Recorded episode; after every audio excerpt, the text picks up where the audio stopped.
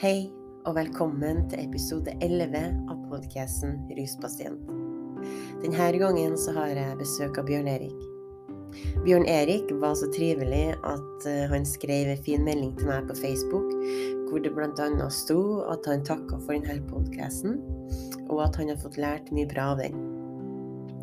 Pluss at han skrev litt om seg sjøl og sin historie, og at han gjerne kunne stille opp som gjest. Så jeg svarte nå han på meldinga, og ut av det fikk vi en utrolig fin samtale som jeg seint vil glemme. Skjebnen har virkelig rare måter for å plassere mennesker på én plass, for så å la veiene deres krysse en gang til. Fordi jeg og Bjørn Erik var til stede på samme plass i Trondheim for over 20 år tilbake. Den gangen møttes vi ikke, men vi fikk med oss den samme tragiske episoden som fant sted, og som var millisekund unna å ta Bjørn Erik sitt liv. Bjørn Erik er i dag 43 år gammel, og for tida så er han på Brubakken behandlingssenter, som drives av Evangeliesenteret.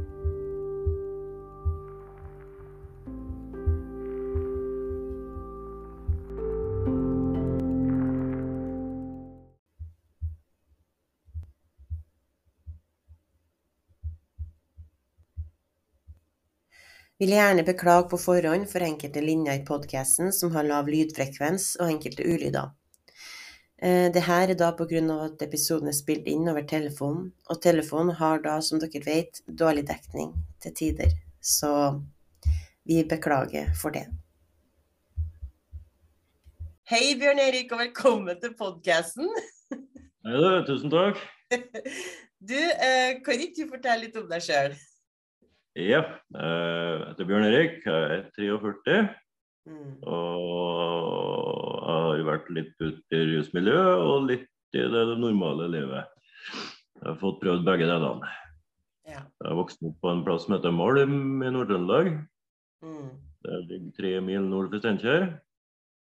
Men er, er, veld, er Malm veldig sånn ute på landet? Eh, Ja, du kan si det sånn. Det var iallfall det. Ja. Litt, litt mer sivilisert nå. hot fått bru som går over til Steinkjer. så- ja, ikke sant? Det er jo ikke bare verst. Nei, så jeg vokste opp der da. Hadde en relativt grei barndom med snille foreldre og snille søsken. Og Hvor mange søsken har du? jeg har to søsken. Jeg har en bror som er seks år yngre, og en søster som er tre år yngre. Ja, og dere har eh, begge samme foreldre? Ja. Ja. Nei, så jeg bodde der fram til jeg var 15. Da skilte foreldrene mine lag. Og så ble jeg buene til min far. Ja. Og da starta det med litt uh, drikking. Han var veldig glad i flasker sjøl. OK. Så det ble ganske vanlig at jeg kom hjem fra skolen og satte fra meg sekken og gikk i kjøleskapet og tok meg en pils. Oi, hvor gammel var du da? Da var jeg 15. Og det var helt greit for han? Eh, Ja, Ja. det var jo for så vidt det, da. Men kan jeg spørre, hvorfor ble det faren din og ikke mora di? Eh, Jeg vet egentlig ikke hvorfor vi fikk velge sjøl, Ja. på en måte. Så, De ble jo buende i samme bygda, så vi for jo litt imellom da likevel. Men ja. ble så jeg ble buene til far og søsknene mine til mor. da. OK. Mm, Så du ville være til pappa, liksom? Ja. Du, var du kanskje mer en pappagutt, eller? Ja, jeg hadde jo bedre kontakt med han, men det hadde kanskje mye å si med at jeg, jeg smugrøkte jo den tida han godtok det og sånne ting. Så Ja. det tok, tok jo valg ut ifra sånne ting. Da. Ja, ikke så, sant? Man gjør jo det når man er så ung. Ja. Ja. ja, så du kom hjem fra skolen og, og tok deg en øl. ja. Satt du med han og drakk, da, eller? Ja. Ja. Jeg gjorde det. Det er jo veldig spesielt. Ja, du kan si det sånn. Det var vanskelig å skjønne hva som var normalt og ikke. da. Ja. Men, eh, men har, for meg. Hva sa du for noe? Det ble jo normalt for meg. da. Ja, ikke sant? Det det er jo det, altså, Jeg tenker Hvis man har vokst opp i et destruktivt hjem med veldig mye vold, da, f.eks., Mm. Uh, og så er man en litt sånn uh, familie som er litt lukka. Ja. Så er jo det, da er det jo det som blir normaliteten. ja. Jeg har vært heldig når det gjelder vold. Det har aldri vært noe sånt. da. Heldigvis. Altså, han var veldig snill, far min. Og, sånt, Mm. men han, det er jo feil det er jo feil å godta at barna drikker. sånn sett. Men var han da så berusa når du kom hjem at han eh, kanskje ikke klarte å ta det rette valget overfor deg, da? Noen ganger så skjedde vel det, ja, men øh, han var ofte oppegående fordi om han drakk. da. Ja. Så, Men vil du kalle den ehm, også sånn Altså, uansett så er han jo alkoholiker, da, men vil du kalle han en sånn kjempeheftig alkoholiker, eller var han sånn periodedranker? ja, han var jo egentlig ganske hardt i det. Ja. Det var han. Mm. Men hvordan var det liksom med, med mat og sånn, da, og klær og Nei, det var Vi hadde alltid det vi trengte. Ja. Så det var Det passa han på. ja. Men var det liksom Hva tror du det var med han? da? Var det sorgen over bruddet, eller eh, som gjorde at han satt og drakk så mye, eller? Ja, det kan være litt grann det. Jeg tror han slet mye i barndommen med sin egen far, han som òg drakk. Så det er jo ofte at det går litt i arv, det der. Men dra, drakk han mye når, du, når han var gift med mora di òg? Eh, På slutten så gjorde han da vel det. Ja, når det ble eh, tungt? Det var vel eh, en av grunnene til at det ble, ble slutt, vil jeg tro. Ja. Så hva skjedde med deg videre, da? Du kom deg gjennom ungdomsskolen, eller? eh? Jeg måtte uh, droppe ut av videregående til slutt. da. Uh, det var mer pga. at ikke jeg takla fagene jeg hadde valgt. da. Jeg gikk på mekanisk og fant ut at det var ikke noe for meg. da. Så, så fikk jeg i stedet for å gå skole, så fikk jeg meg en praksisplass på musikkskolen som assistentlærer. Oh, ja. Så, så jeg fikk jobba litt der, og da klarte jeg meg ganske godt fra, fram til jeg begynte på folkehøyskole da jeg var 17. Mm. Så da ble det et nytt kapittel der, da. Der levde jeg for så vidt normalt da, helt til jeg slutta folkehøyskolen. Så ble jeg sammen med ei der og flytta til Senja og begynte å jobbe på musikkskole der. Og da starta drikkinga igjen, og jeg røyka jo mye hasj. og Mm. Jeg, begynte, jeg, jeg brukte jo veldig mye ting, da, men jeg har ikke opplevd den store avhengigheten ennå. Nei. Den uh, hadde jeg ikke fått møtt. Men den kom jo ganske fort etterpå. Mm. Ja, for at det er det som er så merkelig. For at jeg tror, uh, sånn som jeg opplevde når at jeg begynte å ruse meg på ungdomsskolen, og så havna jeg i barnevernet og det systemet der, så Mm. tror jo dem på en måte, og det skjønner jeg jo, men de tror jo det at med en gang du begynner å ruse deg, så blir du hekta. Men det er vel det at du flørter med det i flere år før det virkelig setter seg i kroppen, liksom. Ja, absolutt. Og så, jeg tror jeg var 18 eller 19 jeg, første gangen jeg opplevde det å våkne opp dårlig av morfin. da, At jeg ikke hadde mer morfin, og at kroppen reagerte på det. Ja. ja, det tar en god stund. Ja, og det var jeg, var jeg tror jeg var i midten av 20-årene før jeg liksom våkna opp, sånn som du ser på film, med svette og diaré og Ja, ja, ja. Ja, og var skikkelig hekta. Så det tar, eh, det tar mange år. Men selvfølgelig, igjen, det kan jo gå fortere til noen hvis, at man, hvis du er 15 år og begynner med heroin med en gang og går på det hver dag. sant ja? Men jeg skjønner jo at det er vanskelig for systemet å forstå. Men til meg ble det sånn å nei, vi må få henne bort fra Trondheim med en gang. Fordi at hun, hun er så avhengig, liksom. Men Ja. det er bare flørting i starten, for du vet egentlig ikke helt hva som skjer, og hvordan du skal døyve smerten du har inni deg, da. Eller forvirringa, vil jeg si. ja det, var at det. har veldig mye å si hvor, Ja. hvorfor du ruser deg. Liksom. Hvis du ruser Ja. deg for å like følelsen, så kan det hende at det tar lengre tid. Men Mm. hvis du ruser deg fordi at du vil dekke over noen andre følelser, Mm. da blir du på en måte avhengig av å få bort de onde følelsene. Ja, ikke sant? Så det blir jo dobbel avhengighet på en måte. Ja, du har helt rett i det. Men kan jeg spørre hva som er liksom, hovedrusen din? Eh, det er et vanskelig spørsmål. Eh, akkurat nå da, så er jo, det er jo oppi at jeg sliter med å få bort noe siste Ja. på nedtrapping. Og det som har vært med meg hele livet, det er alkohol og hasj. Men uh, siste årene så har det vært mye piller og opiater. Ja, du er en blandingsmisbruker, du òg, ja. Ja. Ja, jeg var det sjøl. Jeg var mye, mye um, piller. hos Rivotril og Sandor og, og morfin. da. Dolkontin, da. ikke sant? Ja, For Trondheim er jo dolkontinby. ja, det er jo ja. flyt over. Og De siste årene så har det jo tatt seg opp mer og mer med LAR-medisin og Subutex. Så Mm. folk velger det i stedet for Og det er ikke nødvendigvis det beste du kan gjøre. det. Nei, det er jo ikke det. Og jeg hadde jo en samtale med, med en annen eh, vedkommende som jeg møtte på et sånn podkast-intervju, og han sa jo det at eh, det verste med LAR-medisineringa er at det går over så lang tid. Ja, det er sant. Sant? For det skulle bare ha vart i en liten periode, men ikke liksom sette oss på det for resten av livet. Ja. For det blir jo vanskelig å komme seg av det her òg. Ja, jeg merka det sjøl òg. Når, jeg skulle- når jeg tok valget og ville ha LAR-medisin, så fikk jeg veldig motstand fra, fra dem jeg hadde kontakt med på LAR. Mm. Jeg fikk direkte beskjed om at de hadde ikke noe tro på at det der kom til å gå. Mm. Det var Ja, at du kutta av, liksom.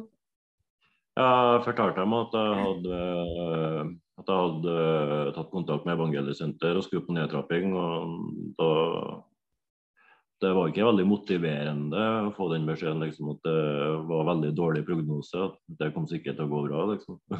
Mm. Jeg tror man må finne en Altså, jeg tror LAR må finne en sånn mer eh, trygghet i å tro på mennesket. Ja. Men jeg skjønner at de er redde. Jeg skjønner at de er redde fordi at vi går jo med motgift i oss, på en måte.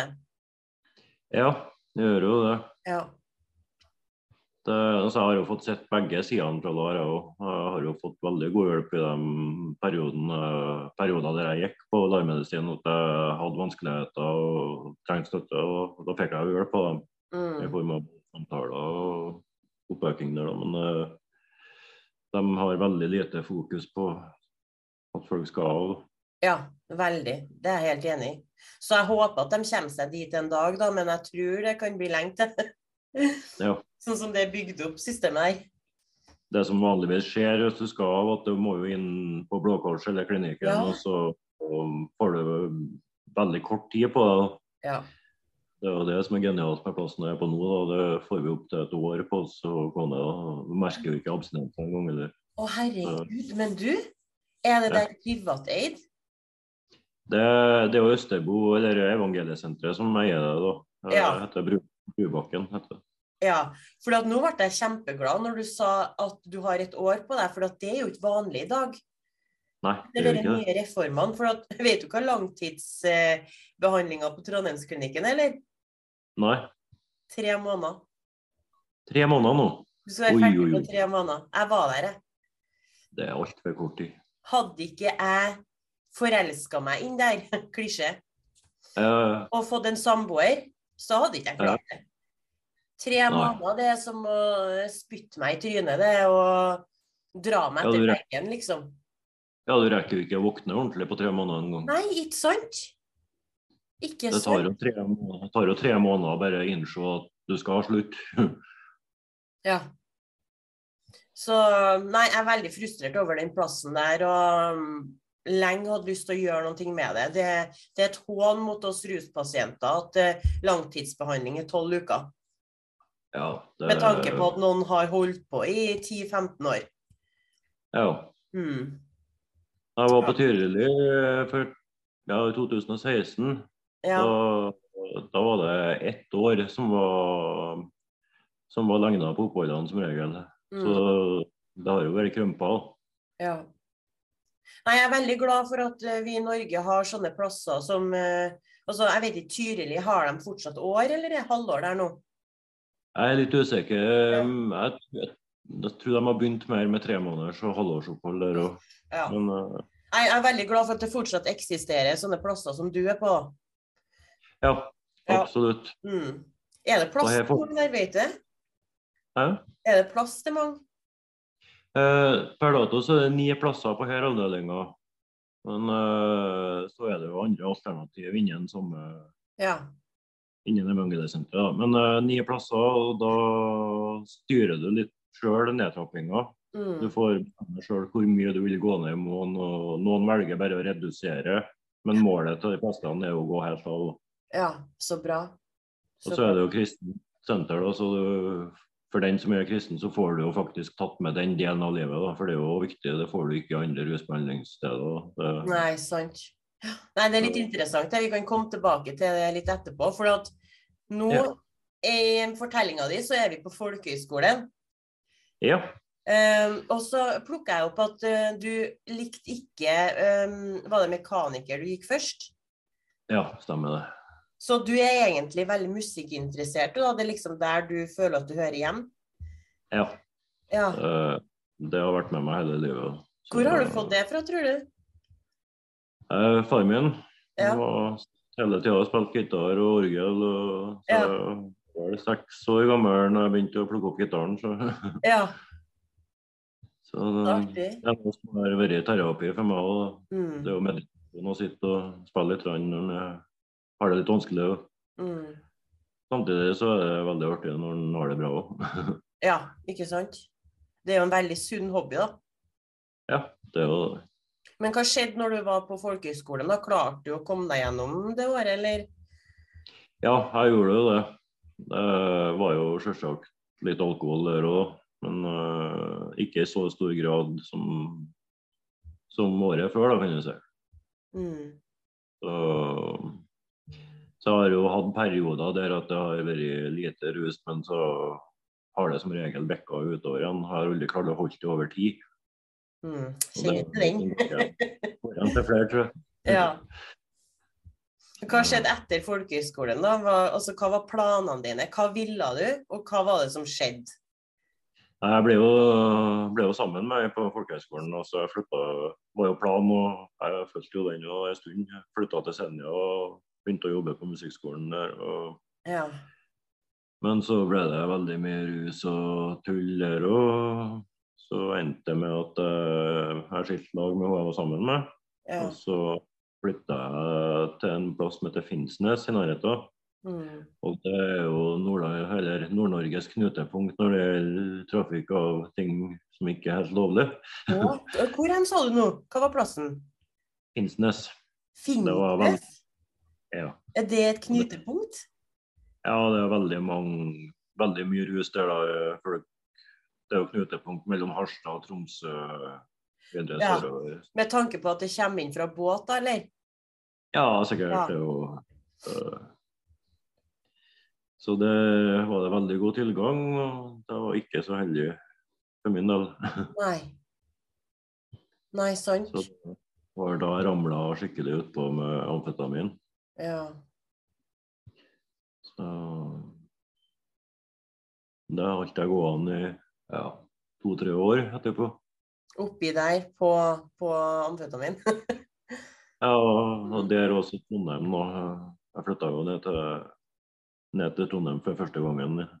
ja. Trondheim Ja, så kommune ga meg leilighet i gamle Jarleveien 10. I ukeblokka. Ja, da var jeg ikke så veldig gammel heller. Da fikk jeg leilighet der, da. Det var jo var eldorado for min del. da. Ja. Eh, eh, min far, vet du, han er jo Eller han var, han er død nå, da. Eh, Det er litt rart å si, egentlig, for han døde i jula. Eh, Ok. Men vi hadde ikke, vi hadde ikke noe god kontakt, sjø.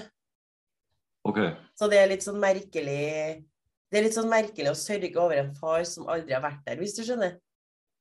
Ja, men eh, jeg kan skjønne for at du har jo du har jo hatt tanker om den. Så Ja, jeg har jo det.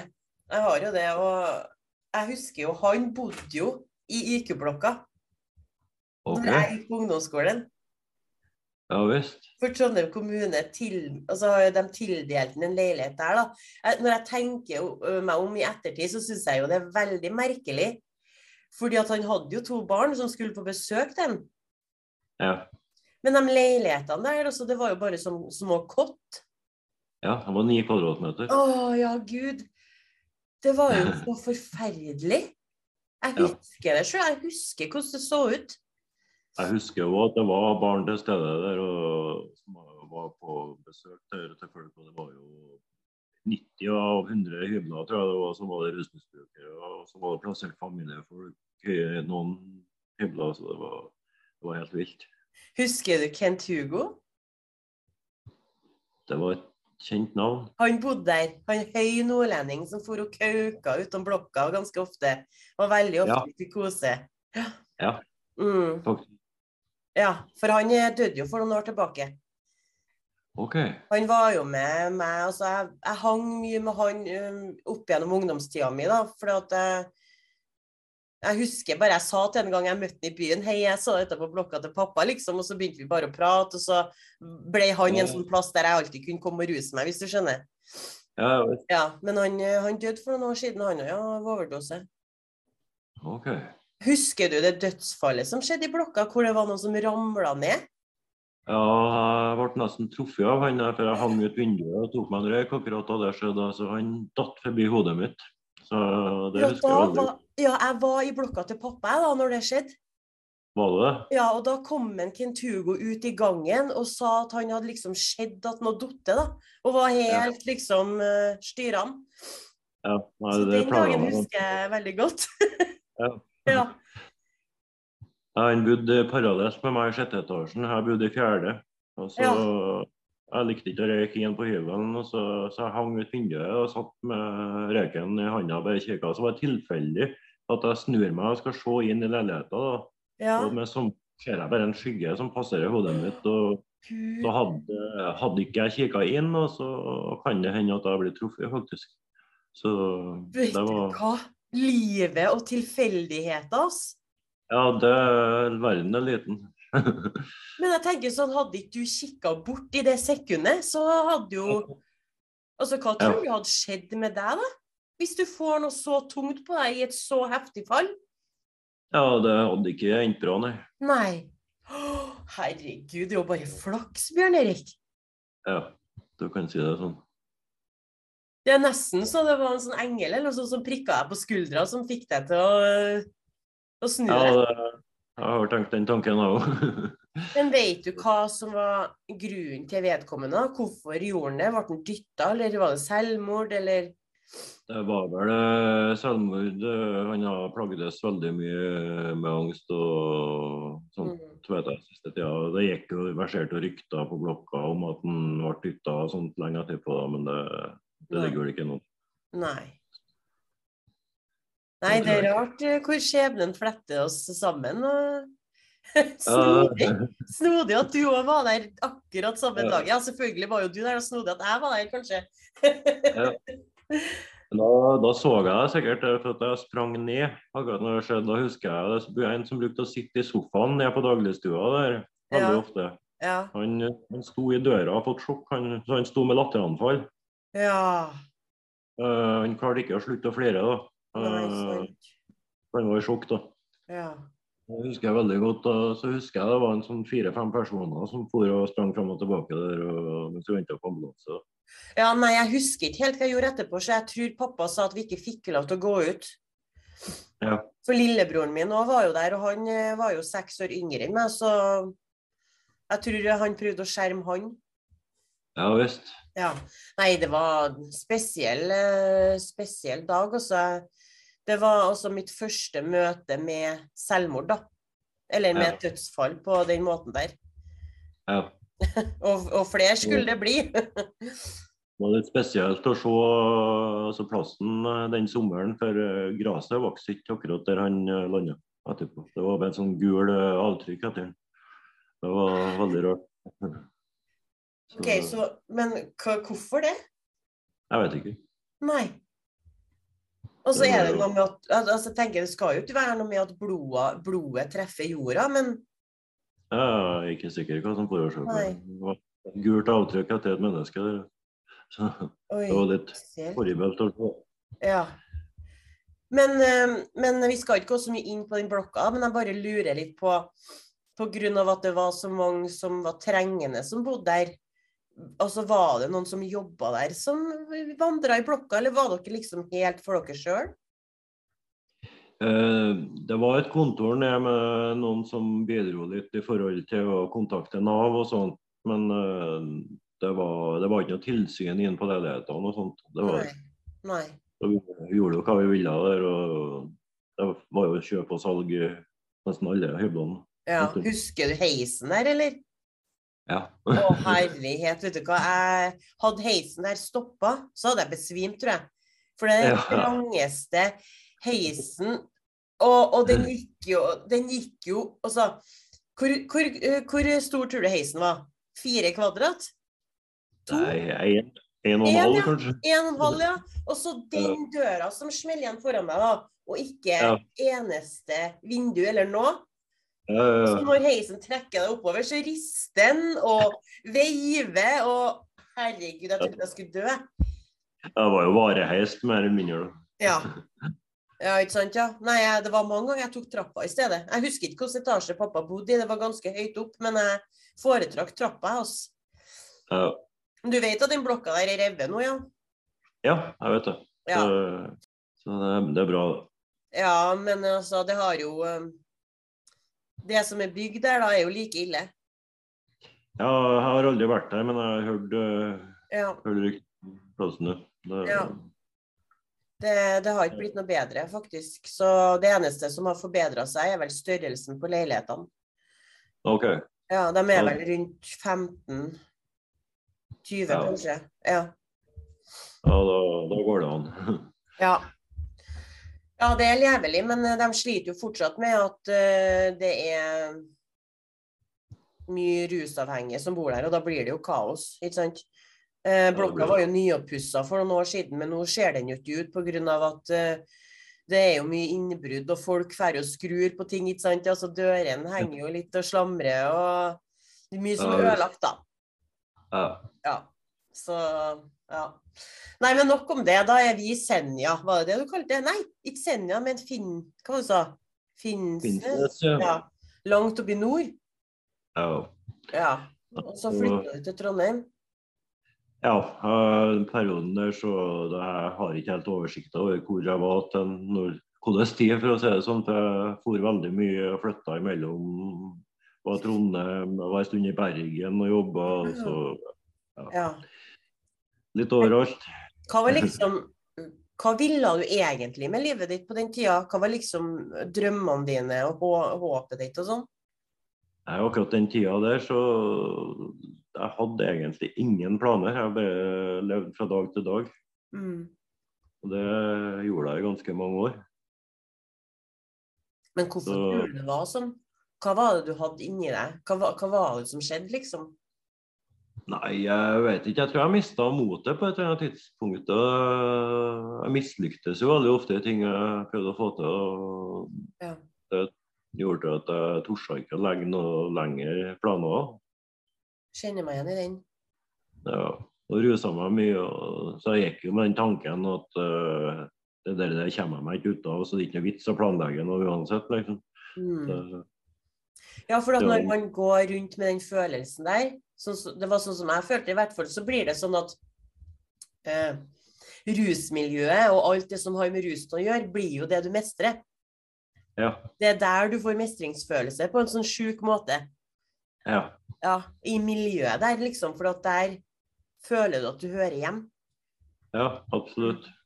Og der har du jo det styggen på ryggen. Og den er jo, det er jo den som sitter og forteller deg at ikke du klarer det der. Og, så det, Ja, sangen er veldig godt beskrevet. Da.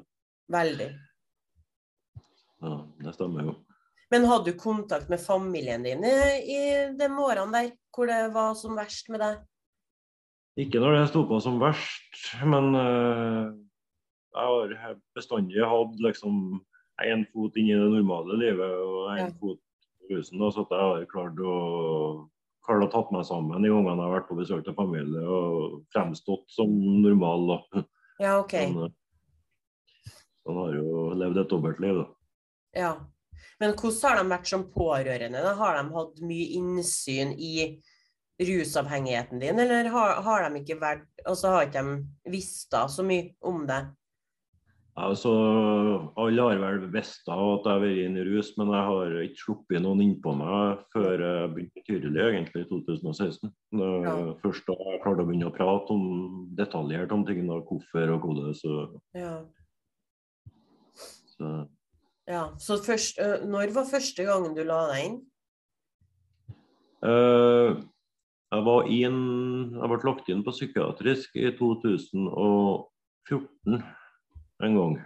Ok, Så det var mens du var i Trond mellom Trondheim og Bergen? Nei, da, Den tida så bodde jeg i Meråker. Det har skjedd mye mellom nå. så. Eh, Jeg har en sønn oppe her òg, så I Meråker? Nei, jeg bor i Steinkjer, men jeg var nykter i fire år, da. Så jeg var Ja. alenefar i fire år. Så Og du var alenefar? Ja. Kan jeg spørre hva som skjedde med hun? Eh, nei, mora og, og valgte å flytte etter uh, mye rettssak med barnevernet og pga. at uh, jeg har jo vært i rus. Og, Ja. men så vant vi rettssaken, men da den ja, Jeg kan ikke lese noe så mye om henne akkurat nå. Det, Mm. Jeg skjønner. den Men iallfall så så, så så hadde jeg han i fire år, og da gikk det veldig bra. Mm. Så, Hvor gammel var han da? Nei, han var, jeg hadde han fram til han var fire. Okay. Nesten fem år. Ja. Eh, Og da klarte ikke noe mer etter de årene, eller? Nei, greia var at jeg var såpass nervøs og redd for barnevernet at jeg Ja. ikke å be om, jeg våga ikke å be om hjelp når jeg skulle ha avlastning. Og det her er så viktig at du sier, Bjørn Erik. Jeg utnytta ADHD-diagnosen min i stedet, og så fikk jeg medisin. Mm.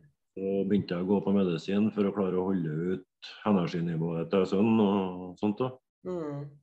Og det, det gikk jo galt til slutt. for Jeg, endte med at jeg måtte drikke på kvelden for å få sove. Så så jeg at det bikka samme veien som faren min gjorde med meg. Ja. Og det, det hadde jeg ikke villet utsatt meg for. Så, Men hva som gjorde at du var redd for barnevernet, da? Hva var det? Altså, for at du hadde jo bodd hjem, ikke sant? ja? Ja, Eh, nei, de kom på fødestua og henta guttungen første gangen. Og de Så- gjorde det, ja. Mm. Hvordan var det for deg? Nei, jeg er normalt sett ikke en voldelig person. og Jeg slo jeg én gang i hele mitt liv, men akkurat da så var jeg veldig nær til å bli drapsmann, vil jeg påstå. Synd å si det, men akkurat da så sto jeg og sikta meg ut vei hvordan jeg skulle komme fram til barnevernssjefen uten at noen stoppa meg. da. Men heldigvis så, så hadde han med seg politiet som sto i gangen. Så jeg så refleksjonen av politiuniformen i gangen. og da Akkurat som at jeg våkna til meg sjøl igjen. så klarte jeg meg ned. Ja. Jeg gikk ut og tok meg en røyk, og så kom jeg inn igjen. Og da bestemte vi oss for at vi tar det på den ordentlige måten. Da, så kontakta advokat. og Så tok det fire måneder ca. Så fikk vi tilbake omsorgen. Men visste dere at det der kom til å skje, eller ble dere overraska? Ble ganske overraska for at vi hadde samtale med dem på forhånd. Vi tok Ja. kontakt med dem sjøl. Ja, ikke sant? jeg ble råda til det av uh, habiliteringsteamet som hadde med utredninga av uh, Jeg har jo ADHD og Tourettes syndrom. Og de anbefalte oss å ta kontakt med dem, for eh, det kunne bli eh, spørsmål om det senere. da. Så bare for ordens skyld så gjorde vi det. Ja. Og vi snakka med dem i ca. et kvarter. ja. Og fikk om at eh, det kom til å gå helt greit, det var ikke noe problem. Da. De skulle ta kontakt hvis det var noe mer. Da. Og så hørte vi ikke noe mer. Og pang, så, så kom de. Og der var barnevernet i Steinkjer? Ja. Gud, de bør skjemmes! Ja, de begynte jo galt ennå. da. Det er Omsorgsovertakelse er jo det siste som skal skje, så det vil jeg påstå. Det Jeg er helt sjokkert, jeg. Men samtidig ikke, for jeg er så skuffa over systemet. Ja. Jeg er jo utdanna barnevernspedagog, men eh, jeg og Det er stygt av meg å si det, men jeg egentlig hater mitt eget system. Ja, det, men det er veldig personavhengig. det der, og for at eh, jeg, Til å begynne med når det skjedde, så slo jeg alle under én kam. Så jeg var Ja. veldig sint og bitter på dem. Men så fikk jeg jo òg støtte av barnevernet mens jeg hadde guttungen. Ja. Så jeg har sett begge sidene av dem nå. Så det har alt med å se hvem du kommer i kontakt med. og Mm. Det burde jo ikke være sånn, selvsagt. Men dessverre så er det sånn. Jeg lurer på om, om de saksbehandlerne som jobber i barnevernet, eller på de forskjellige etatene Vet du sjøl, vet du meg sjøl, når du er en farlig behandler? Altså når du er en behandler som ikke jobber med hjertet? Det håper jeg de tar til seg. Ja. Det, det er faktisk humøret på saksbehandleren kan avgjøre Mm. resten av livet til et menneske. Mm. Ja, du, jeg har vært gjennom så mye barneverns eh, ba, eh, saksbehandlere at eh, jeg kan si at 90% av dem klarte ikke å ha en normal samtale med meg, fordi at jeg satt bare og tenkte hva i huleste er det du prater om? Ja. Hadde ikke noe kjemi, ikke noe connection. Det var sånn det her har jeg lest i boka, derfor så skal jeg prøve å gi det videre til deg, men det er ikke noe sånn menneskelig som kommer ut av det. Nei, det, det var en periode at jeg måtte planlegge. De var jo på hjemmebesøk, så jeg måtte jo planlegge veldig godt hvordan jeg skulle gjøre ting. Da, for at jeg kunne jo ikke ha det perfekt hjemme. For hvis jeg hadde perfekt, visste jeg aldri hva de fant på som grunn for å skrive noe i papirene. Så jeg måtte hele tida f.eks. ha det litt skitete i gangen, bare for at da visste jeg at det var det som ble stående, og det var ikke så farlig, liksom. Så det skal jo ikke være sånn. Nei. Men jeg syns det var veldig merkelig da, at de kommer og tar ungen, og så er, er, er ungen tilbake fire måneder etterpå. For da kunne det jo ikke ha vært så ille, da. For da hadde han jo ikke kommet tilbake før etter et år. Kanskje, tenker jeg. Det er sant, ja. Nei, vi tar, var jo to rettssaker på de fire månedene. Altså, så Første rettssaken tapte jo pga. at jeg var ikke forberedt på at uh, de kom til å basere saken på løgn. Ja, for jeg skulle til å spørre, hva la de til grunn for omsorgsovertakelsen? Nei, De prøvde jo å spå framtida, at vi ikke kom til å klare det der, og at det kom til å bli sånn og sånn og i forhold til diagnose. Det som jeg snakket om da, det var ikke, det var ikke mest rus det gikk på. Det var, jeg har en diagnose som heter Tourettes syndrom. Det for min del så er det kun Jeg har litt rykninger i noen muskler og litt lyder som kommer noen ganger. Det er alt, da. Men de har jo lest seg opp på det sikkert og sett skrekkeksemplene som er som slår alle under en kam der òg. Å, herregud, for noe dårlig fagarbeid. Ja. Så det var det som var om mora hadde snakk om noen diagnoser. Det, så Nei, så andre rettssaken så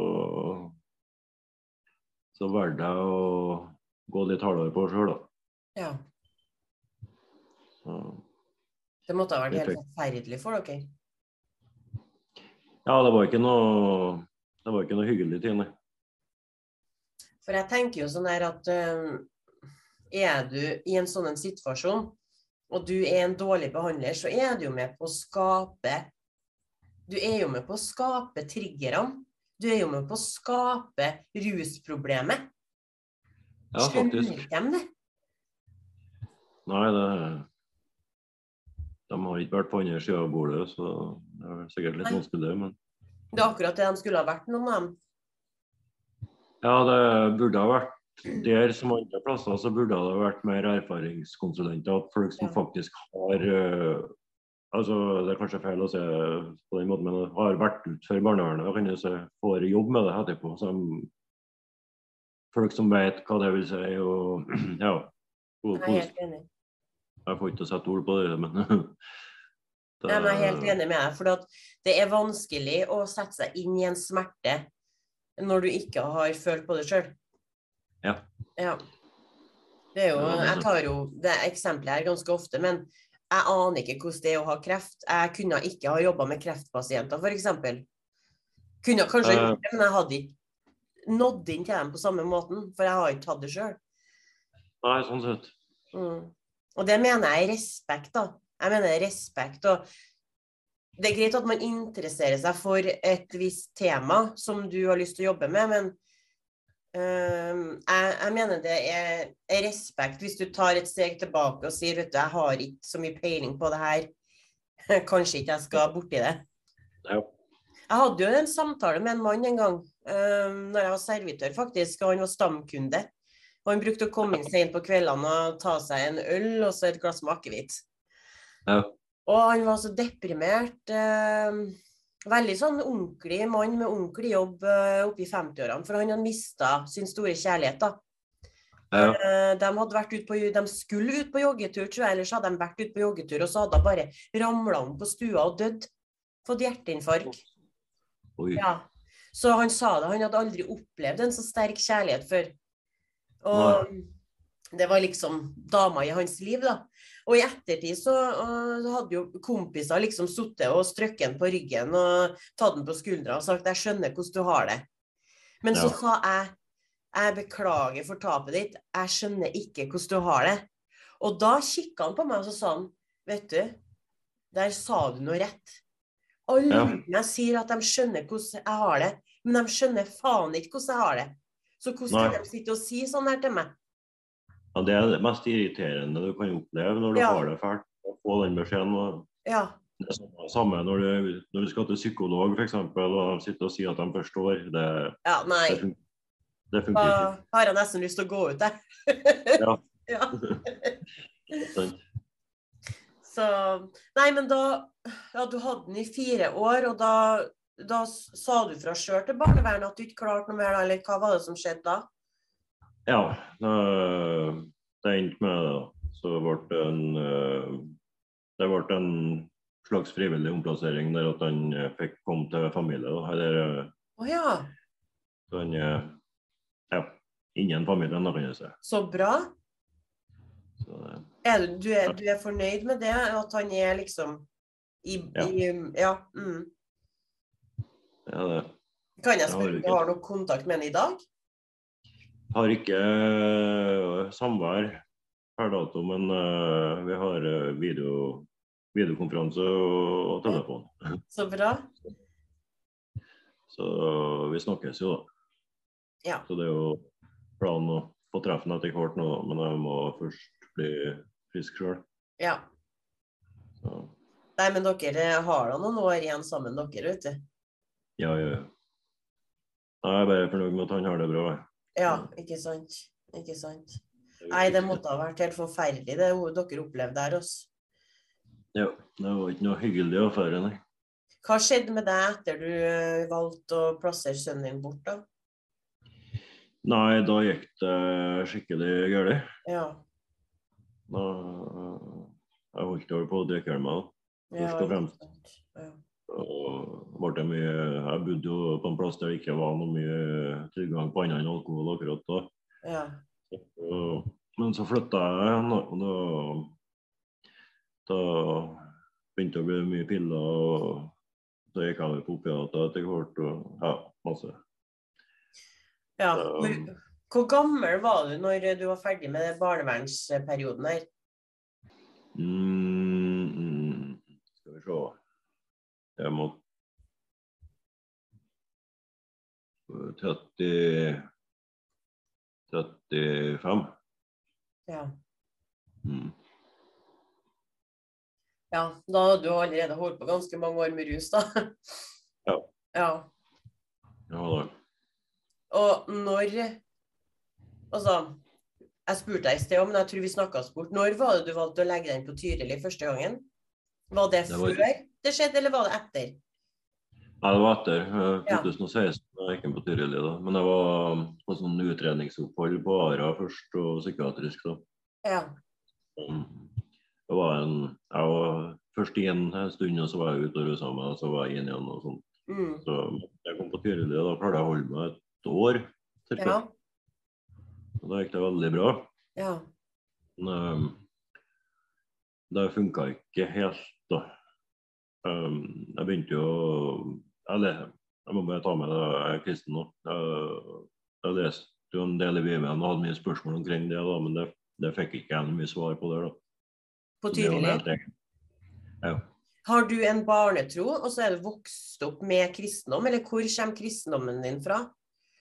Jeg er ikke fra kristent hjem nå, men uh, jeg begynte å få interesse for det og leste veldig mye i forhold til sånn fremtidsprofetier og sånn, og der det begynte. Så jeg var veldig interessert i sånt. og Likeens er jeg interessert i arkeologi, historie og sånn. Mm. Så jeg begynte å lese en del i forbindelse med det. Da. Så, så jeg er egentlig ikke frelst før i 2018. Da. Ja. Men jeg har hatt trua på det tidligere, da, men jeg har liksom ikke helt skjønt hva det har vært snakk om. Da. Nei. Så da prøvde du Tyrili først, og så gikk det bra i noen år, og så gikk det utafor igjen? Ja. Jeg ble skikkelig hekta på opiater etter at jeg var ferdig på Tyrili. da. Uff. Var, var det første gangen du ble skikkelig hekta på opiater?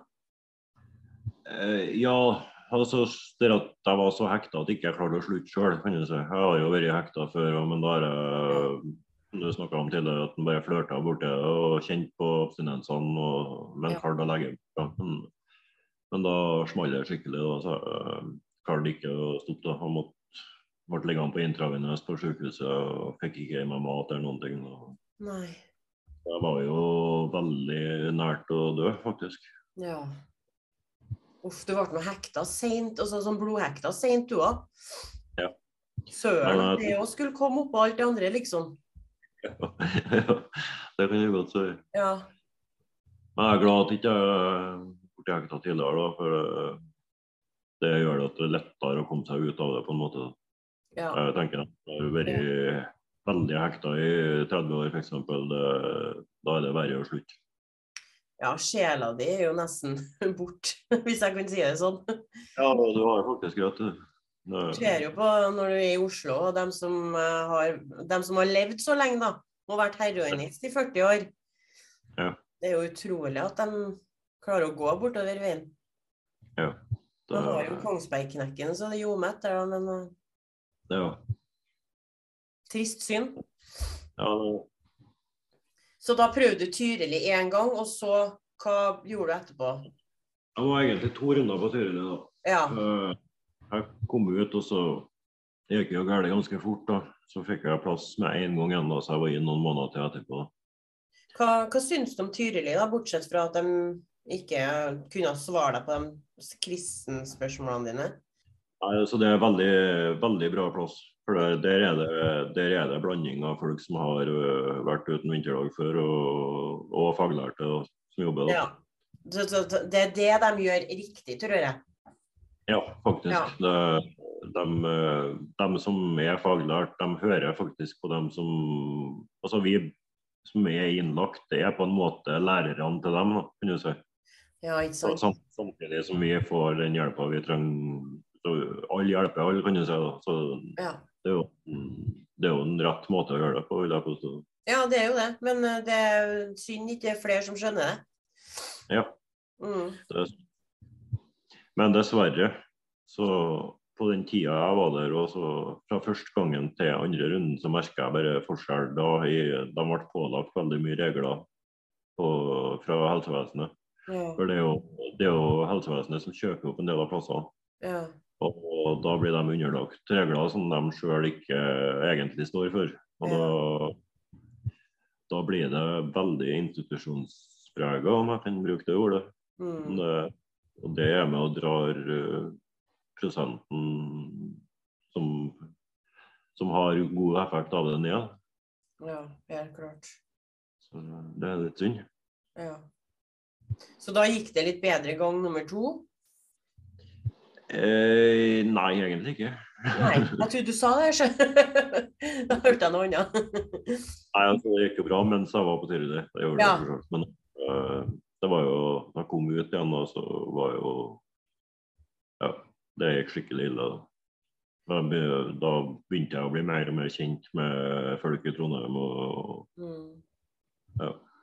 Men har du liksom, når du tenker tilbake på ting, har, forstår du noe i dag hvorfor ting gikk skeis igjen?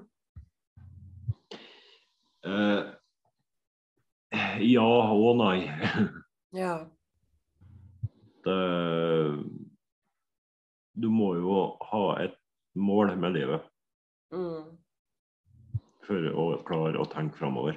Ja. Eller for, for å tørre å tenke framover. Mm. har du ikke det, så skuver du ofte Så skuver du ofte hva skal jeg si, realiteten fra deg. Ja. Og da, da går det ikke over tid. Mm. Du kan ikke holde deg blåhard et år, men så detter du uti det igjen. Mm. Du må, du må ha en, en mål med livet og så klare å se framover. Liksom, at sånn og sånn vil jeg ha det. Om det ikke Mm. blir sånn, så i hvert fall har du noe å sikte etter. Ja. Nei, jeg tror det er veldig viktig å liksom finne ut hva For alle vi som er rusavhengige, vi kjemper jo vår egen kamp, ikke sant? Jeg tror det er veldig viktig å finne ut hva er det som er kampen min. Hva er det liksom som gjør at jeg gir etter til rusen hele tida? Hva er Hva er det tunge jeg får å bære på, som jeg ikke vet helt hva er? Hvis du skjønner? Ja. Det er sant, og det er jo, det er jo veldig forskjell fra person til person. Vi har forskjellige bakgrunn og vi har forskjellige interesser og ønsker og mål. Det, ja. altså, noen for eksempel, så kan jeg Noen så er det friluft som er livet, liksom. Det, det er bare de får lov å finne seg en hytte på fjellet om ti år og bo der og ende livet der, så det er målet, liksom. Det er jo helt greit. Mm. Mens noen så er det familieliv. Og for min del altså, hverdag Jesus. Det har hjulpet meg. Det, uansett hva du velger, så må han gå all in for det. Ja, men vet du liksom Har du, har du klart å reflektere over hva det er som gjør at du eh, Hva er det som gjør når du sprekker? Hva er det som skjer da? Har du reflektert rundt det? Føler du liksom at du er bevisst rundt det når tilbakefallet begynner å slå rot, da? Det har jo ofte vært at en uh, mister respekten for seg sjøl, på en måte. Det var kanskje litt store ord, men uh, jeg kan ikke si det. En, uh, en gir jo blanke i hva som skjer, da. Ja. En har kommet til et punkt der at uh, enten så har det jo skjedd noe rundt deg, eller at du har begynt å tenke på noe som gjør at du begynner å tenke at næsj, det, det er jo ikke noe poeng i å holde seg rusfri, liksom. Om en gjør det for at en vil nyte det livet som en kan, i hvert fall, da, eller at en vil ha bort følelser. Det, Mm. det, det er mye som spiller inn. Ja, for det var jo sånn som jeg skrev på melding til deg òg, at eh, sånn som vi kjemper jo våre eh, forskjellige kamper, og så har vi jo de tankemønstrene våre som er forskjellige. Og Ja. jeg kan jo kanskje tippe at til deg er det litt sånn og tankemønsteret ditt er litt sånn eh, Nei, jeg gidder ikke, jeg gir opp, jeg har ikke noe trua på meg sjøl, ikke sant? Og når det Ja. der begynner da å, å slå rot, da, så, så får man på en måte en sånn liten blackout, og så plutselig så sitter man der og er rusa igjen. Det er sånn jeg føler det i hvert fall, og at det skjer med meg. Ja. Og så er jo veldig altså, Den første sprekken, liksom, altså, om, det så er, om det så er en sup med øl, Mm. så da snur det noe opp i hodet som gjør at da er det det som blir brukt som unnskyldninger. Ja. For da begynner samvittigheten, og så OK, jeg gjorde det, da har jeg det vondt, og da må jeg fortsette med det. liksom. Ja. det Ja. så lenge en klarer å unngå Det, det er en klisjé liksom, man sier at man unngår den første pilsen, men Mm. uh, det faktisk det er sant. Ja. Man må unngå den første rusen, liksom, så, så klarer en å stå imot mye bedre. Mm. Og bare bli bevisst på tankemønsteret òg. Sånn Nei, Ja. vet du hva, dette her er det gamle tankemønsteret mitt. Nå er jeg nødt til å slutte, liksom. Jeg er nødt til å tenke andre veien nå. Ja. Men det er litt sånn fælt òg, for man er i sånn evig konflikt med seg sjøl.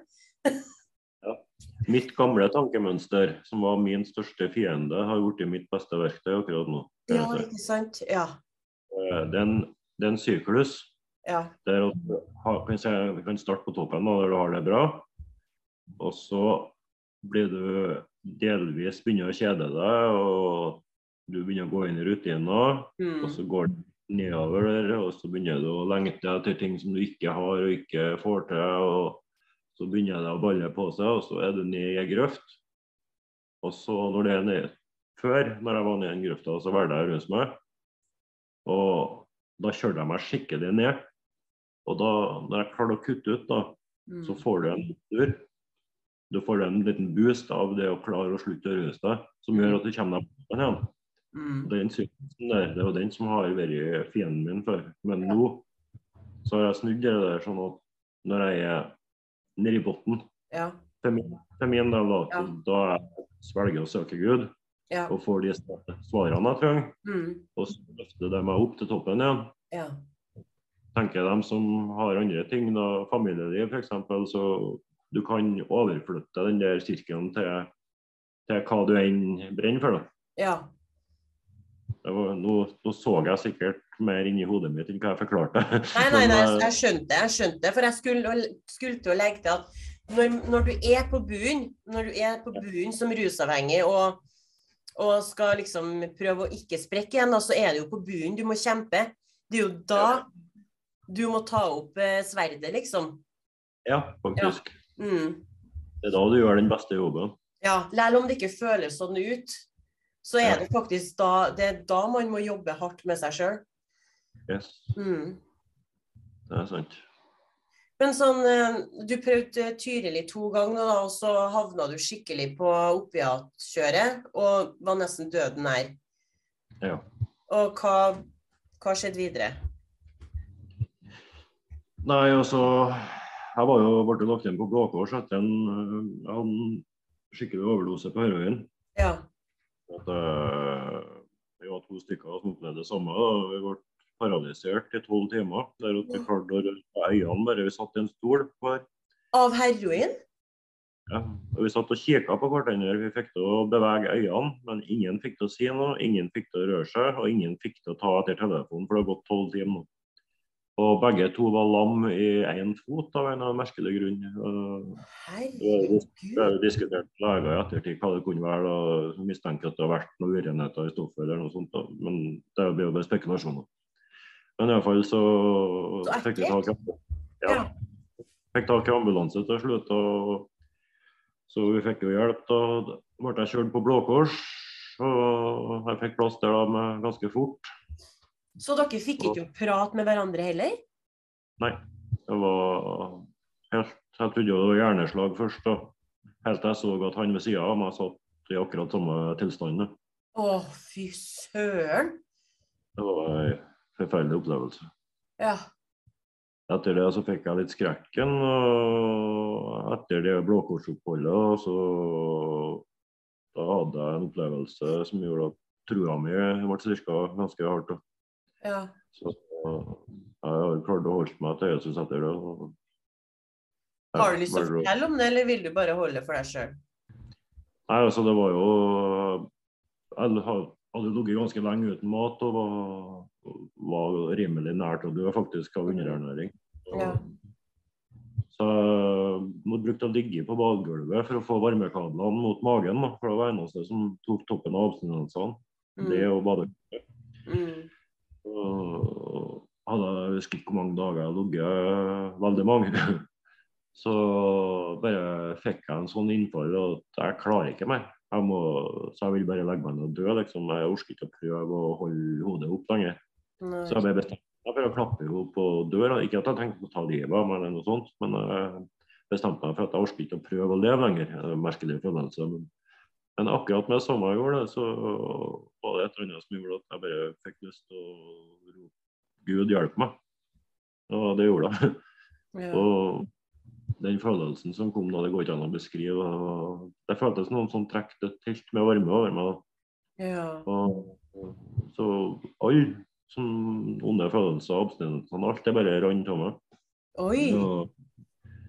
Da, det, det høres sånn klisjéaktig ut når jeg sier det, men det, det bare forsvant alt ubehag. Og så eh, tårer og snørr overalt, skulle jeg seg, og det rasa masse tanker gjennom hodet med alt som hadde med barndom, oppvekst, alt. Det, det skjedde på veldig kort tid Ja.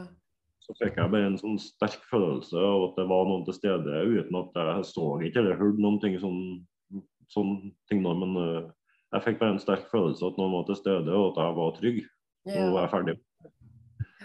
Og så ja, så da, da fikk jeg liksom den overbevisninga om at jeg fikk hjelp, og jeg måtte bare stå på, så jeg kom større til å gå bra.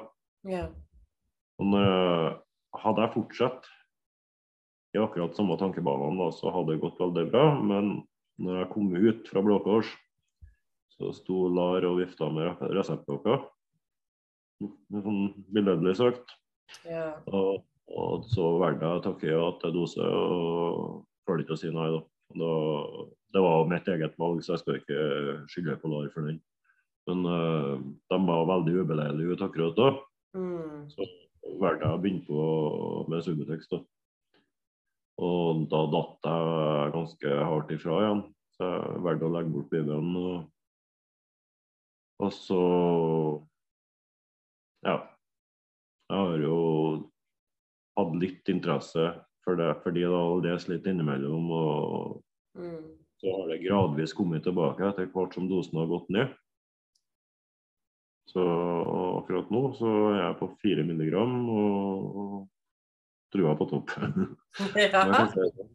Det ble amputert fortell det på slutten, men eh, det er mye av det som har skjedd jeg ikke får satt ord på en gang ennå. Jeg, jeg jobber mye med det akkurat nå. da.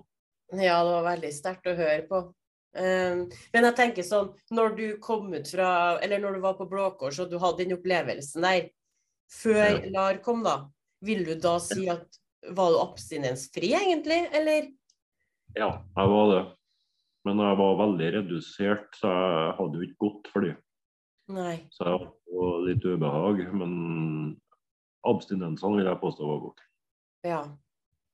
Nei, men altså, jeg tenker sånn, ok, så da kom nå LAR da, og vifta med den blokka, men kanskje det var meningen med det? Ja, faktisk. Jeg har tenkt veldig på akkurat det du sier. Og, Ja. for at, eh, hver eneste ting vi gjør eller ikke gjør, det er med å påvirke hvor vi er akkurat nå. Mm. Så jeg hadde ikke sittet her på Evangeliesenteret hvis, at, uh, hvis jeg hadde takka nei, sikkert. Mm, ikke sant? Så Så alt er vel en del av planen. Ja, Man får ha trua på det, men det er sånn som jeg tenker noen gang, at uh, trua mi blir ofte testa, den av oss. Ja, Jeg har vært mye sint på Gud.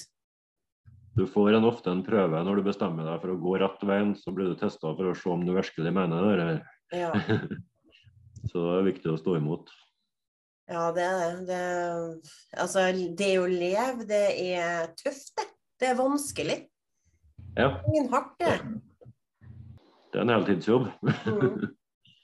Men sånn når du kom ut fra Blå Kors, da, og så fikk du eh, Ja, du LAR kom inn i bildet. Tok det lang tid før du var der du er nå, da? Eller er du der du er nå, eller skjedde det mer i mellomtida? Ja, det var jo Blå Kors det var jo i 2019. OK, ja.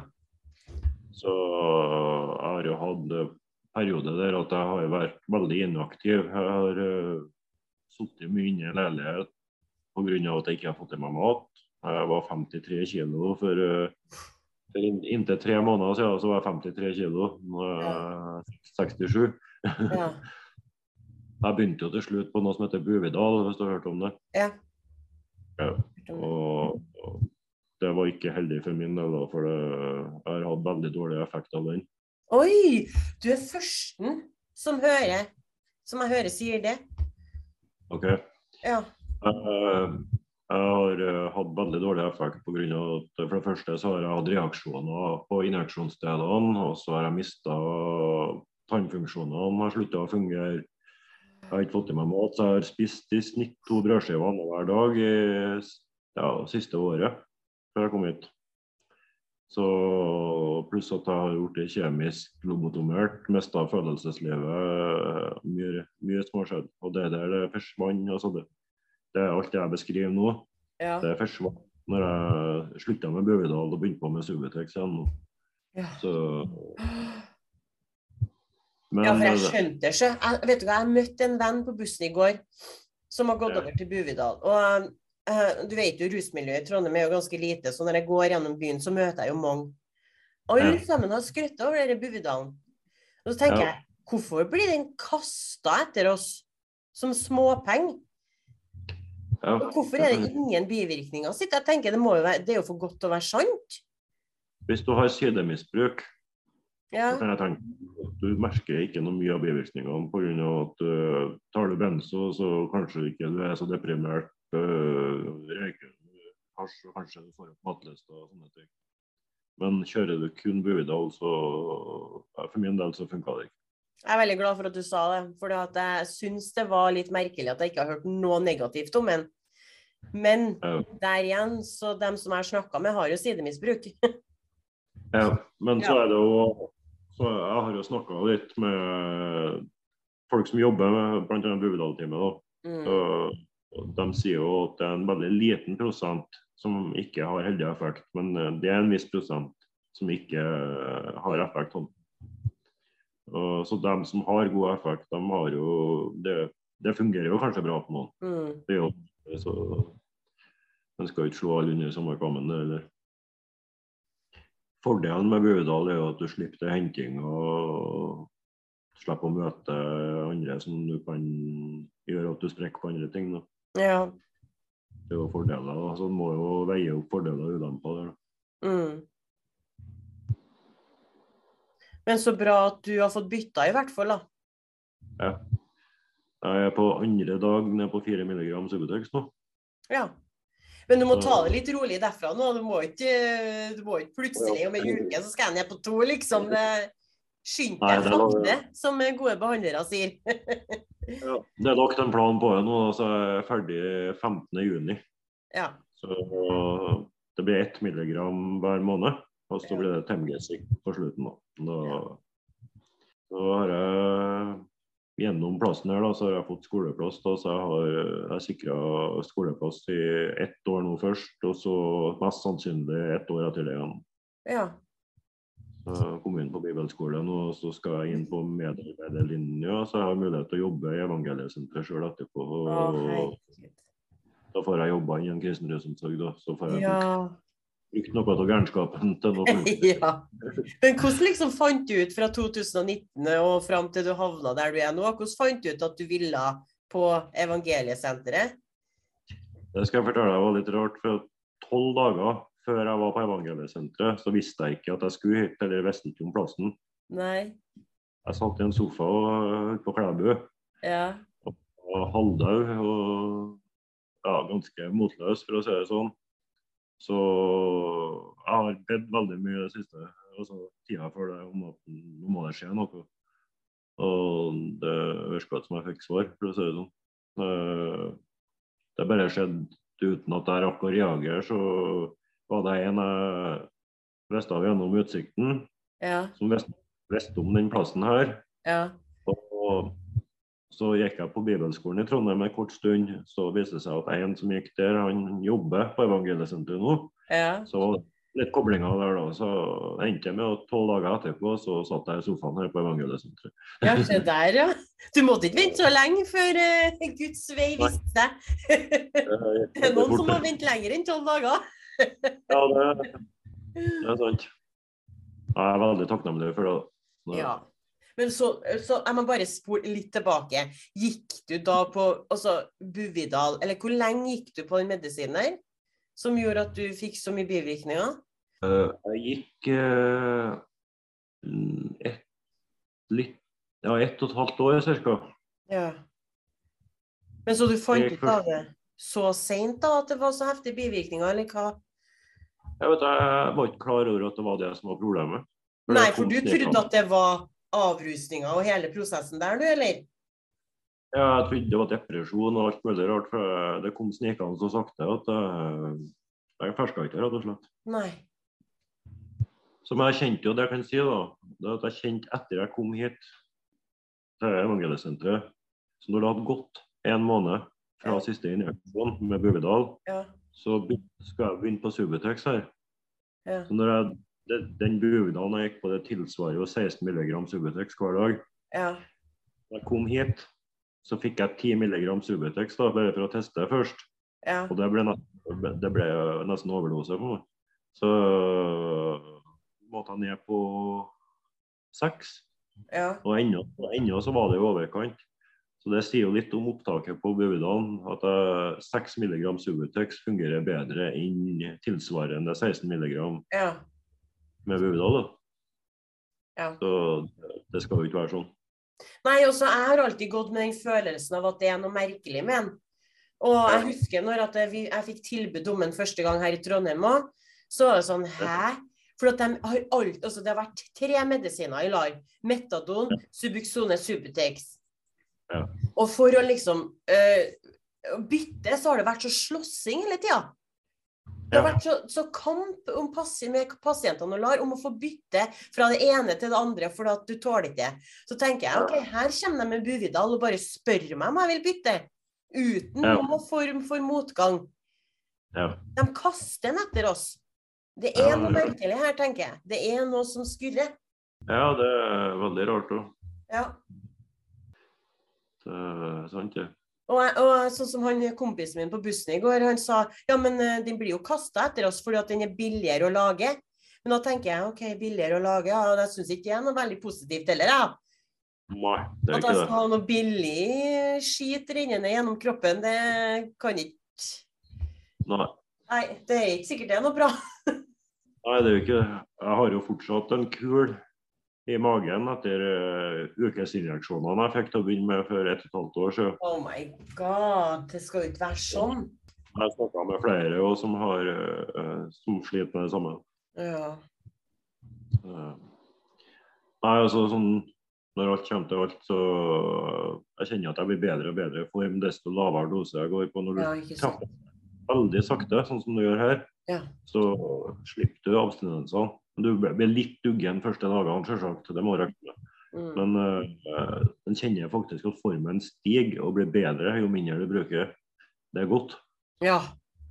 Du får faktisk får et håp om at det går an å kutte helt. Og det ser jeg jo nå at det kommer til å gå helt fint. Mm. Det skjer, det skjer ikke. Jeg så iallfall ikke den jeg satt på full dose oppe i Trondheim. Så tenkte jeg at det blir gående på resten av livet. Det kommer jeg meg aldri ut av. tenkte jeg. Nei, sant. Det er ikke godt å våkne opp frisk. jo, det er veldig Ja. godt. Mm. Det er det jeg setter pris på. Det er jo relativt kort siden, jeg satt opp i Trondheim i den formen der. Og Ja. tenker på hvor fort formen har stiget. Og nå er jeg ute og går turer oppe i skogen på fjellet. Og Ja. det skjer fort. Nei, men jeg syns det er helt sykt med tanke på eh, historien din, og som vi har gått gjennom nå på en times tid. Altså at folk Mm. ikke kan forstå at et sånn et liv kan ikke um, forandres på tre måneder. Langtidsbehandling, tre måneder, det er en uh, vits. Ja, det er sant. Du må, ha, du må ha lengre tid for å bli restituert her, liksom. For det, det kjenner jeg nå. Det er først nå jeg har begynt å våkne ordentlig. Ja, også med tanke på det du nettopp har fortalt, da. At du gikk et år på feil medisin, og du klarte ikke å fange det opp sjøl engang. Det er sikkert mange andre som gjør det samme rundt omkring her. Helt sikkert. Og det verste av alt med Trondheimsklinikken er jo at de som jobber der, har så dårlig ruskompetanse. Ja. Du, det er ingen som skjønner seg. Det er kun rutiner og sånn sånn A4-moral, da. Folk som aldri har Ja. gjort noe galt i livet sitt, ikke sant? Det er akkurat det satt jeg tenkte på nettopp. det. det hvis du ikke passer inn på det A4-arket deres, så, så er det deg det er noe galt med, ikke Ja. dem. Og så de detter nesten av stolen de, hvis at de eh, ser ei pille som triller bortover gangen. ikke sant? Og «Å, narkotika! De syns det er jækla spennende å jobbe med, men når folk utagerer eller de finner sprøyter og sånn, da Ja. Da klarer ikke de å takle situasjonen. Nei, det, det er veldig mye inkompetanse, om en kan si det sånn. Jeg kunne ha suttet, jeg kunne ha pod, jeg kunne ha jobba med en podkast og sittet og snakka, unnskyld meg, men dritt da, om hvor dårlig eh, rusomsorgen er her i Norge på de fleste plassene. Ja. Jeg skjønner ikke at det går an til å leke med livene til menneskene på en så grusom måte. Nei, det, de tror ikke det er mange som tenker på at det er et liv de har mellom hendene. Det, det er en jobb, rett og slett, med der alt foregår på papiret. Og dessverre så må de ha kontakt med en person for å få til det. liksom. Eh, Ja, det var det samme som jeg sa til hun, hun forrige som jeg intervjua, hun Julie Winge der. Ja. Jeg satt og sa til at der går de på jobb. Hver dag, fem dager i uka. Inn og ut av dere skyvdøra der. Og de setter seg i tverrfaglige møter og ditt og datt og tjo og hei. Men de kommer jo aldri fram til noe. Nei. For at pasientene havner jo ute på kjøret med en gang de er ferdig med de tolv ukene der, eller før. Sånn. Statistikken, de er, statistikken deres er jo helt på trynet. De har jo nesten ikke noe solskinnshistorier. Det er sant. Jeg skal være forsiktig med å si det jeg sier nå, men det, altså det, de er jo avhengig av drifta for, for at gjengangerne kommer tilbake. Da. Ja. Det er sant, det. Men en skal ikke slå alle under samme kammen. Du har veldig mange som er snille og gjør jobben sin skikkelig. og det, Dessverre så er de altfor få.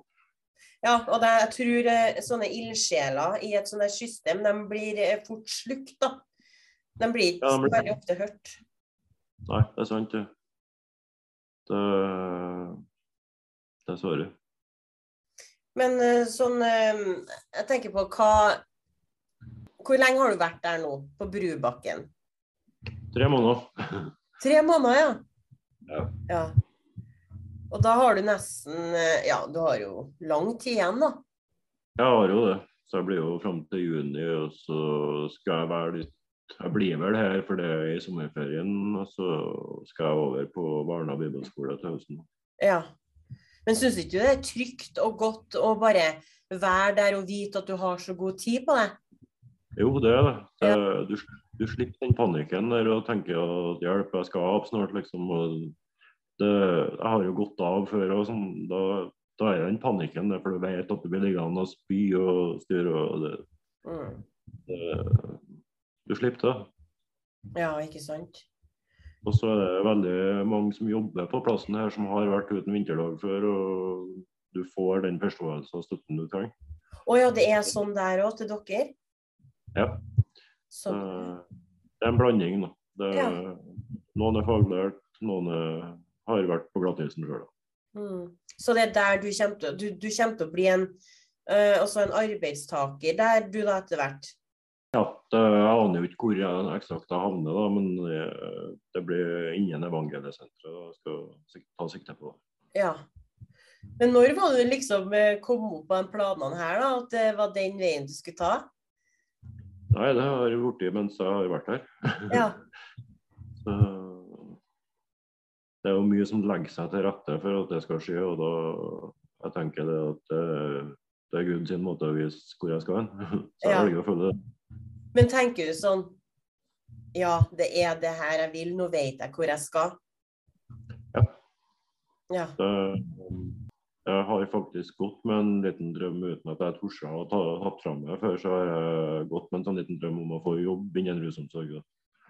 Men da har jeg tenkt at jeg er jo rusmisbruker sjøl, så jeg kan jo ikke holde på med sånt. liksom. Mm. Det, men den følelsen er borte nå. Jeg vet jo at jeg, klarer å holde meg sjøl, og da er jeg i stand til å hjelpe andre. Mm. Ikke sant. Du vet jo at du også kan ta Jeg går jo erfaringskonsulentfagskole nå. OK. Den kan du Ja, ta over nett, så søk neste Hvor år. Er det lang tid du går der, da? Du kan ta det på ett år, eller så kan du ta det på to. Heltid eller deltid. OK. Da blir du sertifisert erfaringskonsulent etterpå. Ja visst. Ja, visst. Ja, men Da kan du sende deg linken, så får du sjekka litt. Mm. Men kan ikke du fortelle litt om Evangeliesenteret, for dem som ikke vet så mye om det? Hvis du vet litt om det sjøl, skal jeg rett og si. Ja, det, det er jo Avdelinga Jeg er jo kjennskap til hele evangeliesenteret, men den avdelinga jeg er på nå, det heter Ja. Brubakken, Brubakken nedtrappingssenter. Ja. Og der er det lagt opp sånn at du får bestemme nedtrappingsplanen sjøl. Det vil si at om du vil gå ned et halvt milligram i måneden, så får du lov til det. Ja. Du, de fleste som er her, de velger å gå helt av, men du kan jo være her på redusering. Altså at du bare halverer dosen. Mm. Det er ni plasser her. Og det er lagt opp med turer, og vi får besøk andre evangeliesenter. Og så er det litt går på frivillighet. Den som vil, får være med rundt på husmøter med det vi driver og synger og spiller litt. og Jeg spiller jo gitar sjøl, f.eks. og Det er veldig artig. Ja. Eh, mulighet til å lære seg å spille gitar og litt forskjellig. Det er jo en blanding som sagt av, av folk som har erfaring, og folk som er faglært. Ja. De, alle som jobber her, er kristen, og de fleste som er innlagt her, er kristen. Men du må ikke være kristen for å være her. Nei. Du, men så lenge at du respekterer at andre er det, så går det greit. Og, og, og hvor høy terskel har de? Altså, hva, hva er det som må skje hvis at du blir kasta ut derfra? Hva er det liksom som er nei i boka deres? Altså Hvis du ikke godtar f.eks. at andre er kristne, at du begynner å jobbe imot, Ja. da, da sier jo seg sjøl at du, du har jo ikke noe utbytte av plassen. Nei, ikke sant?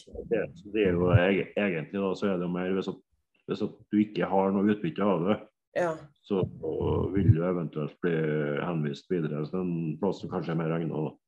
Enn hvis at folk sprekker innpå der, da? Hvordan er de med det? Nei, altså Det er ikke noe fasit på det. Det, det er veldig sjelden at det skjer, men uh, du blir ikke hivd ut av den grunn. Nei, så fint. Så det, det, er jo en, det er en sykdom som mye annet. At du, Ja. du blir jo ikke kasta på kreftavdelinga. Nei, ikke sant? Det er det jeg òg har sagt. Ja, Det er jo Så- ingen som gjør det, sant? nei, nei. Men ruspasienter, de skal bli kasta ut, for de kan ikke oppføre seg. ja, det er akkurat det. Det er jo helt bak mål. Nei, altså det er veldig Det går ikke etter et A4-ark, det kan jeg si. Det, Mm. det tas individuelle beslutninger uansett hva det er snakk om. Så det er veldig forståelig folk hører, og du, du blir tatt veldig hensyn til. Ja, Det høres ut som en fantastisk fin plass. Ja, det er det. Ja. Og hvordan, hvordan ser det ut der? Altså, er det et sånn hovedhus med masse små leiligheter rundt, eller hvordan er det? for? Akkurat her så det, ligger det litt ute i ødemarka, kan du si. Det er bitte, bitte lita bygd Ja. som heter Neslandsvatn. ja. Og huset jeg sitter i nå, det er ei gammel systue som er bygd om. Det kan minne om et gammelt trønderlån, hvis du vet hva det er. Nei? Et sånt der standard hvite, lange gårdshusene. som Ja. finnes i Hå- Ja. Så det er et stort sånt hus da, som er gjort om med brukerrom i andre etasje. Og så er det felles stue og storkjøkken og litt forskjellig nede. Ja, OK. Det, det er hjemmekoselig. Det er ikke, jeg har ikke institusjonspreg eller noe sånt. Nei, så bra. Så det er veldig trivelig her. Og Så har du mye fiskevann rundt omkring for den som er interessert i det. og Ja. ja, Muligheter for å gå seg turer alene, sjøl om at sånn, på andre plasser når du kommer inn, så må du gå med vakt og sånt. og det slipper du Ja. her. Så det er veldig fritt. da. ja. Det høres veldig fint ut. Ja. Eh, Men hvordan er det liksom, for jeg tenker det som er viktig for meg, er at jeg har trygghet rundt meg når jeg detter ned i det svarte hølet. da. Er det liksom gode mennesker å prate med der og Å ja. Ja. Det, du kan prate med hvem du vil innpå. Ja. Så du får Folk har øynene åpne, kan du si. da. Så Ja. du, om du sliter med noe, så kommer gjerne noen og slår av en prat og spør om det. Det føles veldig betryggende ut. Men Jan, du får, være, du får være i fred hvis du vil det òg, da. Ja, ikke sant? Men hva er, altså, hva er viktig for deg eh, videre nå, da, for at du skal klare det? Eller for at du skal klare dette her, da?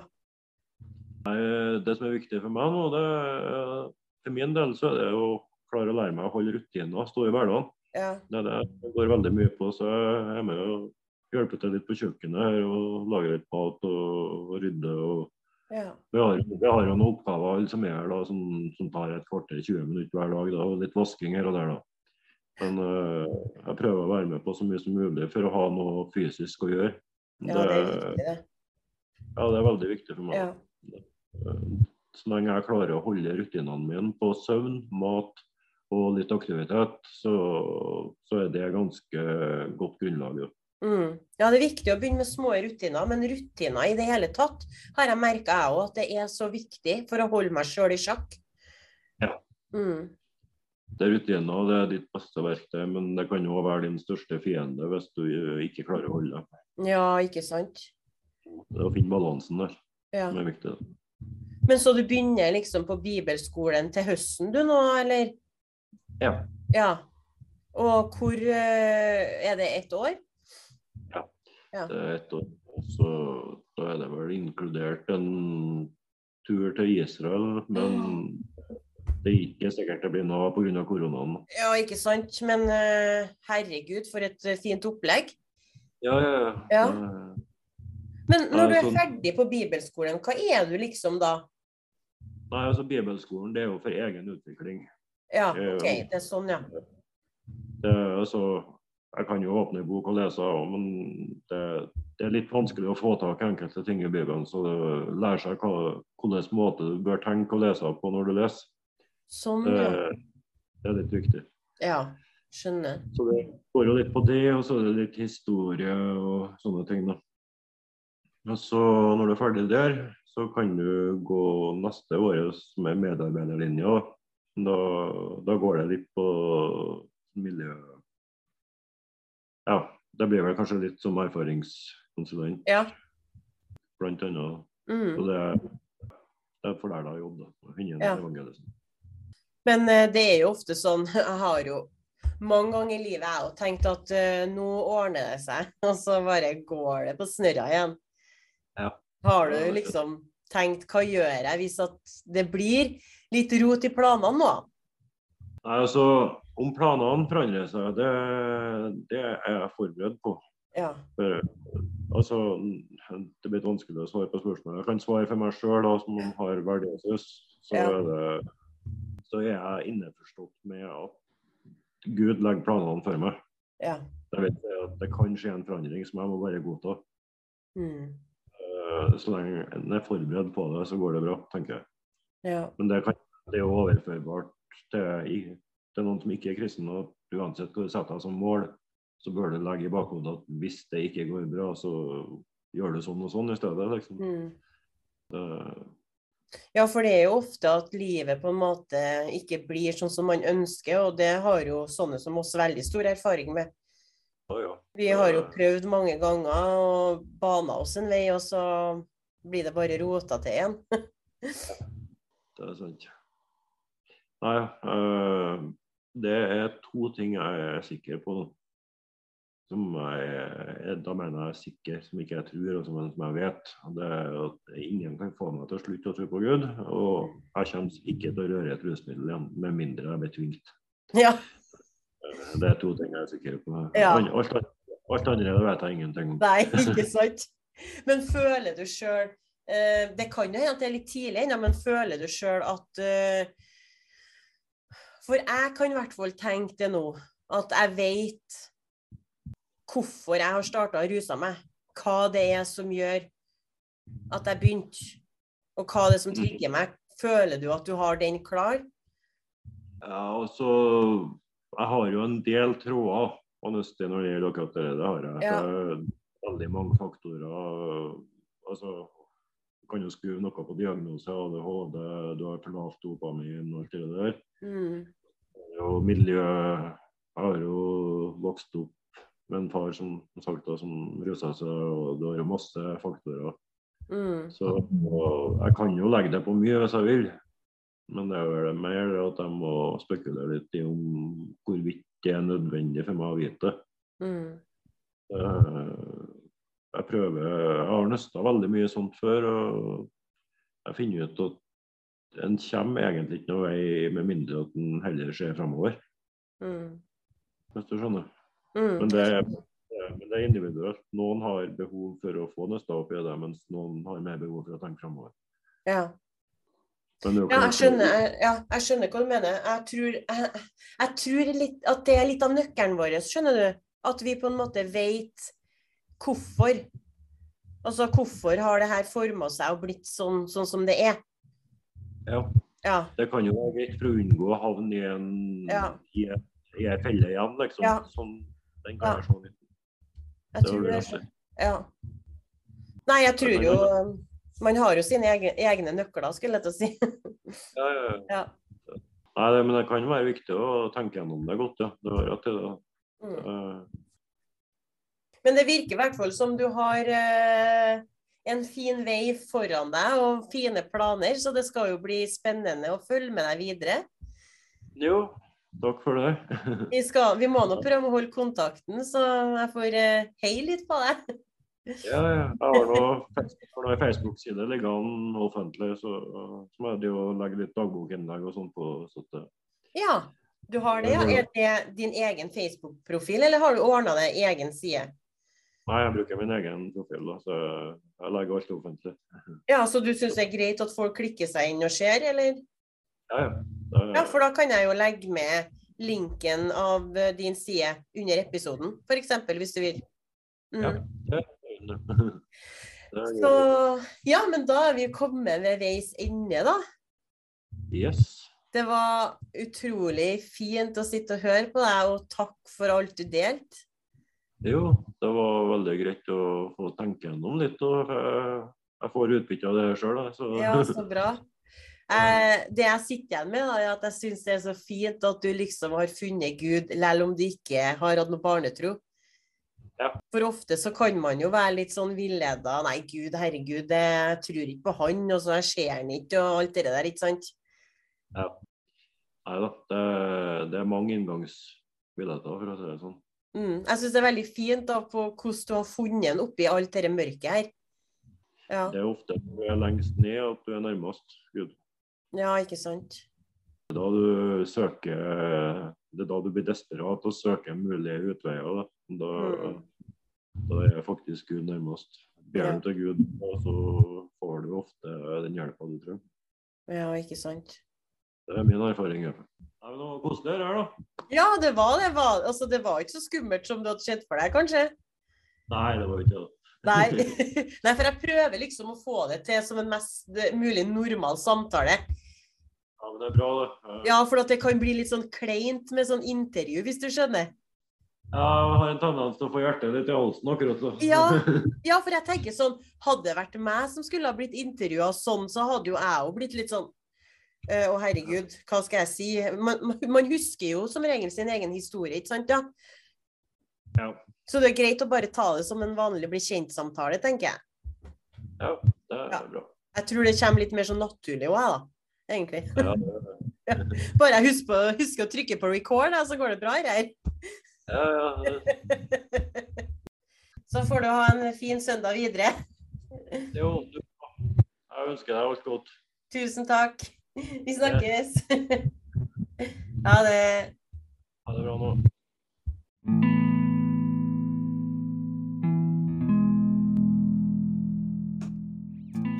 Takk for at du hørte på episode 11, og tusen hjertelig takk til deg, Bjørn Erik, for ditt bidrag til denne fine episoden. Neste episode vil komme ut søndag 20. februar. Vi høres.